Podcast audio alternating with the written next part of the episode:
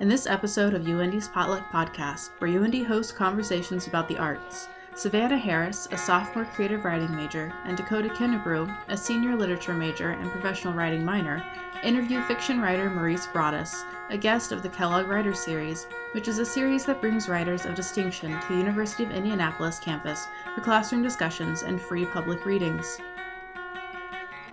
Maurice Broaddus is a fantasy and horror author best known for his short fiction and his Knights of Breton Court novel trilogy. He has published dozens of stories in magazines and book anthologies, including Asimov's science fiction, Black Static, and Weird Tales. His steampunk novella, Buffalo Soldier, was released in 2017 by Tor. We thank you for listening to UIndy's Potluck Podcast, which is hosted by students and faculty of the University of Indianapolis. We would like to thank our guests and the Shaheen College of Arts and Sciences. To learn more about the Potluck Podcast and hear other episodes, please visit etchings.uindy.edu forward slash the hyphen potluck hyphen podcast. Thank you for your support. Hey, readers from all over. Welcome to UIndy Potluck Podcast, where we talk about anything and everything literary. I'm Dakota Kennebrew. And I'm Savannah Harris. We're both English majors at UIndy and student assistants for the Kellogg Writer Series, and we're excited to be hosting the writer Maurice Broaddus. Yay! a community organizer and teacher, Maurice Broaddus has appeared in numerous publications like Lightspeed Magazine, Weird Tales, Cemetery Dance, Uncanny Magazine, and more. His books include the urban fantasy trilogy, The Knights of Breton Court, the steampunk novella Buffalo Soldier, the steampunk novel Pimp My Airship, and the middle grade detective novel The Usual Suspects. As I said in your bio, Pimp My Airship is a steampunk novel. What made you want to write in that genre? Yeah, so I didn't. So there's that. So here's the thing. So uh, I have a Twitter account, and and the Twitter is the devil. So let's be straight about that. Okay. And so I was on Twitter, and I did I did not know a lot about steampunk. Mm-hmm. Like I knew enough about steampunk to make exactly one joke, and my joke was, I'm going to write a steampunk short story with all black characters and call it Pimp My Airship.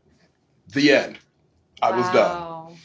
And then six editors wrote me and said, when you write that, send it to us. Oh my goodness. So I'm like, oh, Right. well, now you can't go back. you're right. Plus, there's a potential payday in there, so I'm, I'm on it Right. because you know when an editor says, "Hey, send me something," I'm gonna send you something. Absolutely. Um, it's your first lesson as a writer.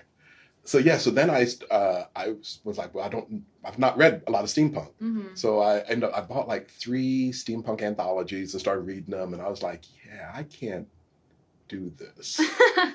steampunk is a fairly racist subgenre, un- unintentionally. It's almost like they've gone out of their way to like erase black people. It's like, hey, remember those good old days when we were like queen and country and there were no black people, and if they did were around, they were like servants and stuff. And I was like, oh, yeah, I ain't writing that.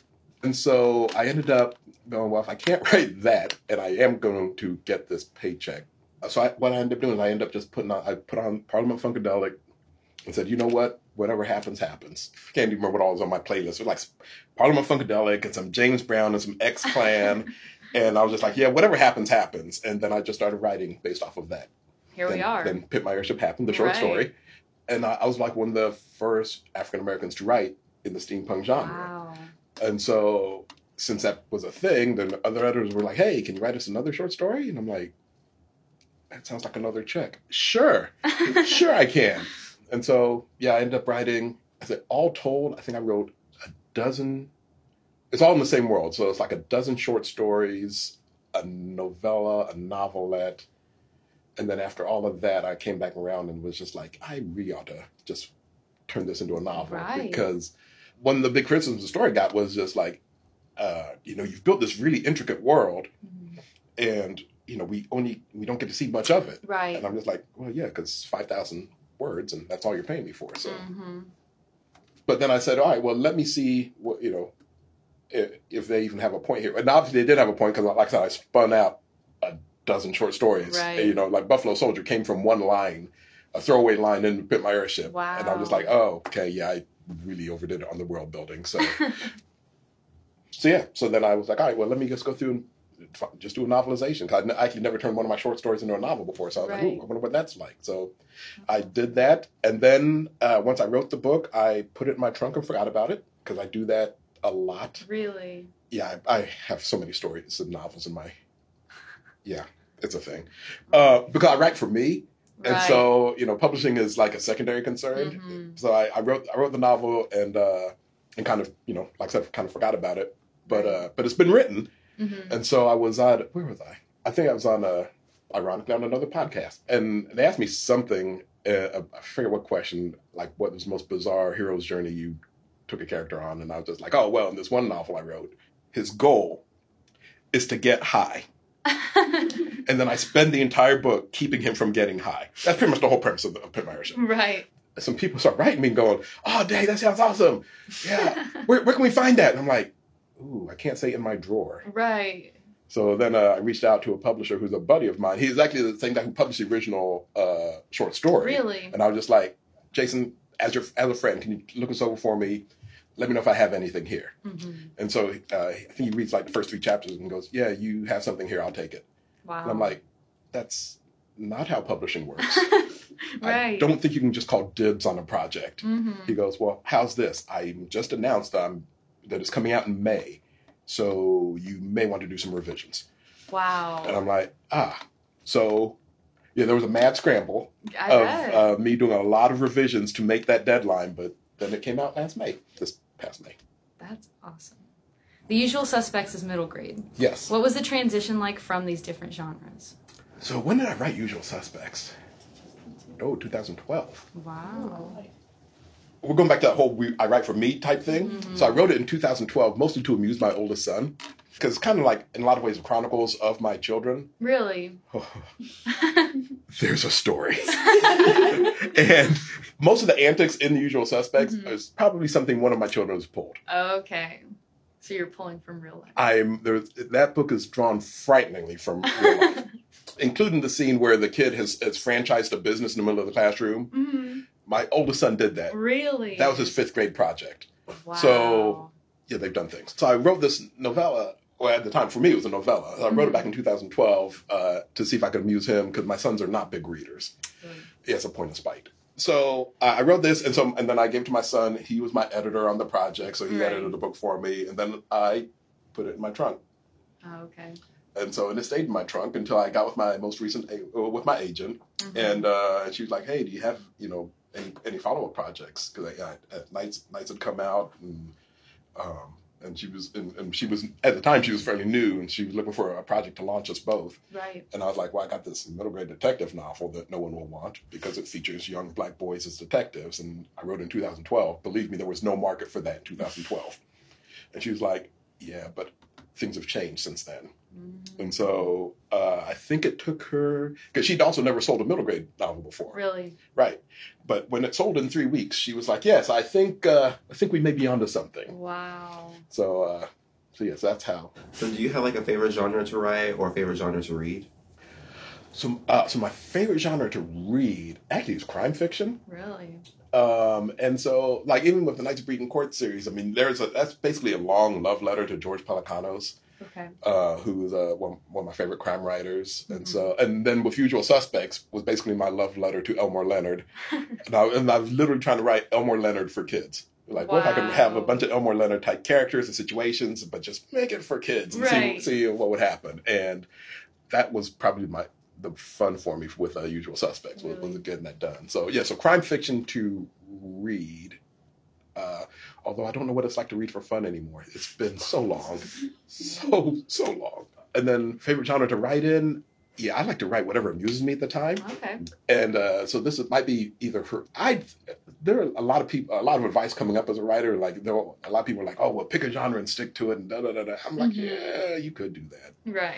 That's not me. Really? And so, I mean, I came up as a horror writer, and that Mhm. was the main thing I wrote for a long time. But then I was just like, I got a lot of stories I want to write. right. And so, so I write in a lot of genres. I write whatever genre amuses me at the time. And then I try to give my agent heads up of like, hey, here's, here's like I'm in the middle of writing a space opera, Wow. um, Okay. which I've never done one of those before. This is kind of neat. So I'm like, I'm, so I'm writing a space opera, and it's a and it's a three book deal. So I have to write one a year for the next three Okay. years, and I have a couple middle grades I'm supposed to write over the next couple of years. So that's all fine and good. Okay. So naturally, I texted my agent and was like, "Hey, I'm going to write a hip hop murder mystery set in Indianapolis that ends in a horror novel that no one wants or has asked me for, just cause." all I can picture is like Cthulhu coming up out, out of White River. For some reason, this really tickles me. So, right. So just write it down. so oh no, it's happening. It's happening. Absolutely awesome. Okay, so we heard a rumor that Uh-oh. when you write horror, horror, you get into a particular headspace. Man, I so hate him. Can you tell us more about that? Like I said, I came up as a horror writer. right.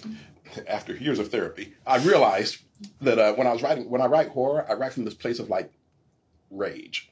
So horror for me is me. So it's like dealing with all these bad things in the world. You know, I'm internalizing them and then wrestling with them, and it usually comes out out of a rage place.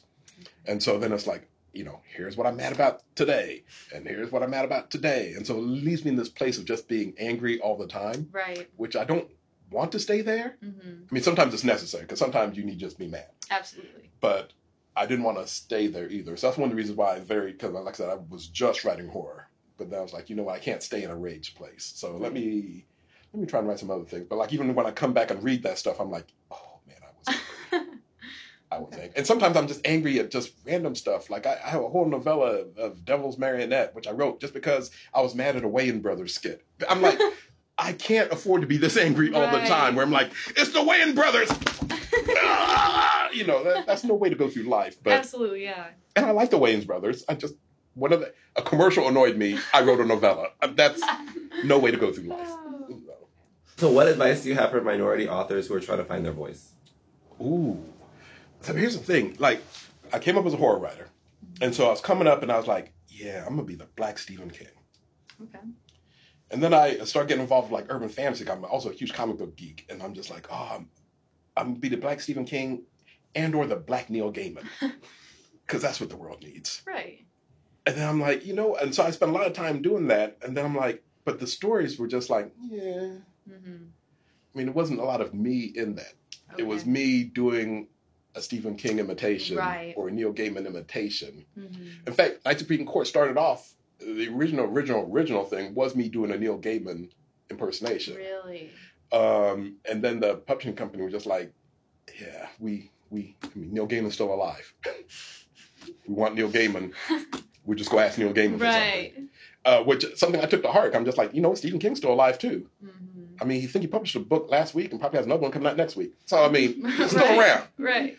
Uh, we don't need another Stephen King. Uh, Mhm. in fact, uh, one of my friends, uh, Brandon Massey, he was just like, because a lot of people really, when he was coming up, were just like, oh, Brandon Massey, he's the Black Stephen King. He's like, I don't want to be the Black Stephen King. I want to be the first Brandon Massey. hmm And uh, I was like, yeah, I want to be the first Maurice Broaddus. Of course, that being said, I didn't know what that meant. So finding my voice meant uh, I, I traced it back to like three three authors and three books. So one actually was Stephen King. Um, it was his uh, novel called Desperation, and it was about a, a young kid who has this really strong Christian faith as he's going up against this evil sheriff. And I was like, ah, because I'm a man of faith, and I want my faith to be in my writing, but I don't know what that looks like because I don't want to be this proselytizing hmm you know, who wants to read that? I don't want to read that. I'm, Right. I'm on Team Jesus, and I don't want to read that.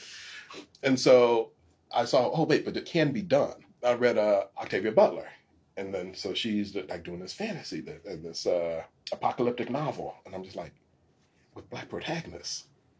Oh, so I don't have to write quote unquote to the market, which was something I was told a lot. That Really. you have to write to the market, and like the market can't include, you know, black people because who wants to read that? But then Octavia was doing it. hmm And then the last piece was uh, Walter Mosley, who I knew from his crime work, because like I said, I'm a crime reader, hmm but he wrote a, a, a series of short stories called Futureland, Okay. and he does this incredible world building, um, and it's oh, it's black, it's blackety black black. I mean, it's everything in this thing is black. I mean, you can't look at the weather; the weather's black. I mean, that, that's how black this book is. And I'm just like, you know what? I just need to be me. hmm I need to lean into what it means to be me, what it le- means to live into my my lived-in experiences as a black man in America. What does that mean? What does that look like? Right.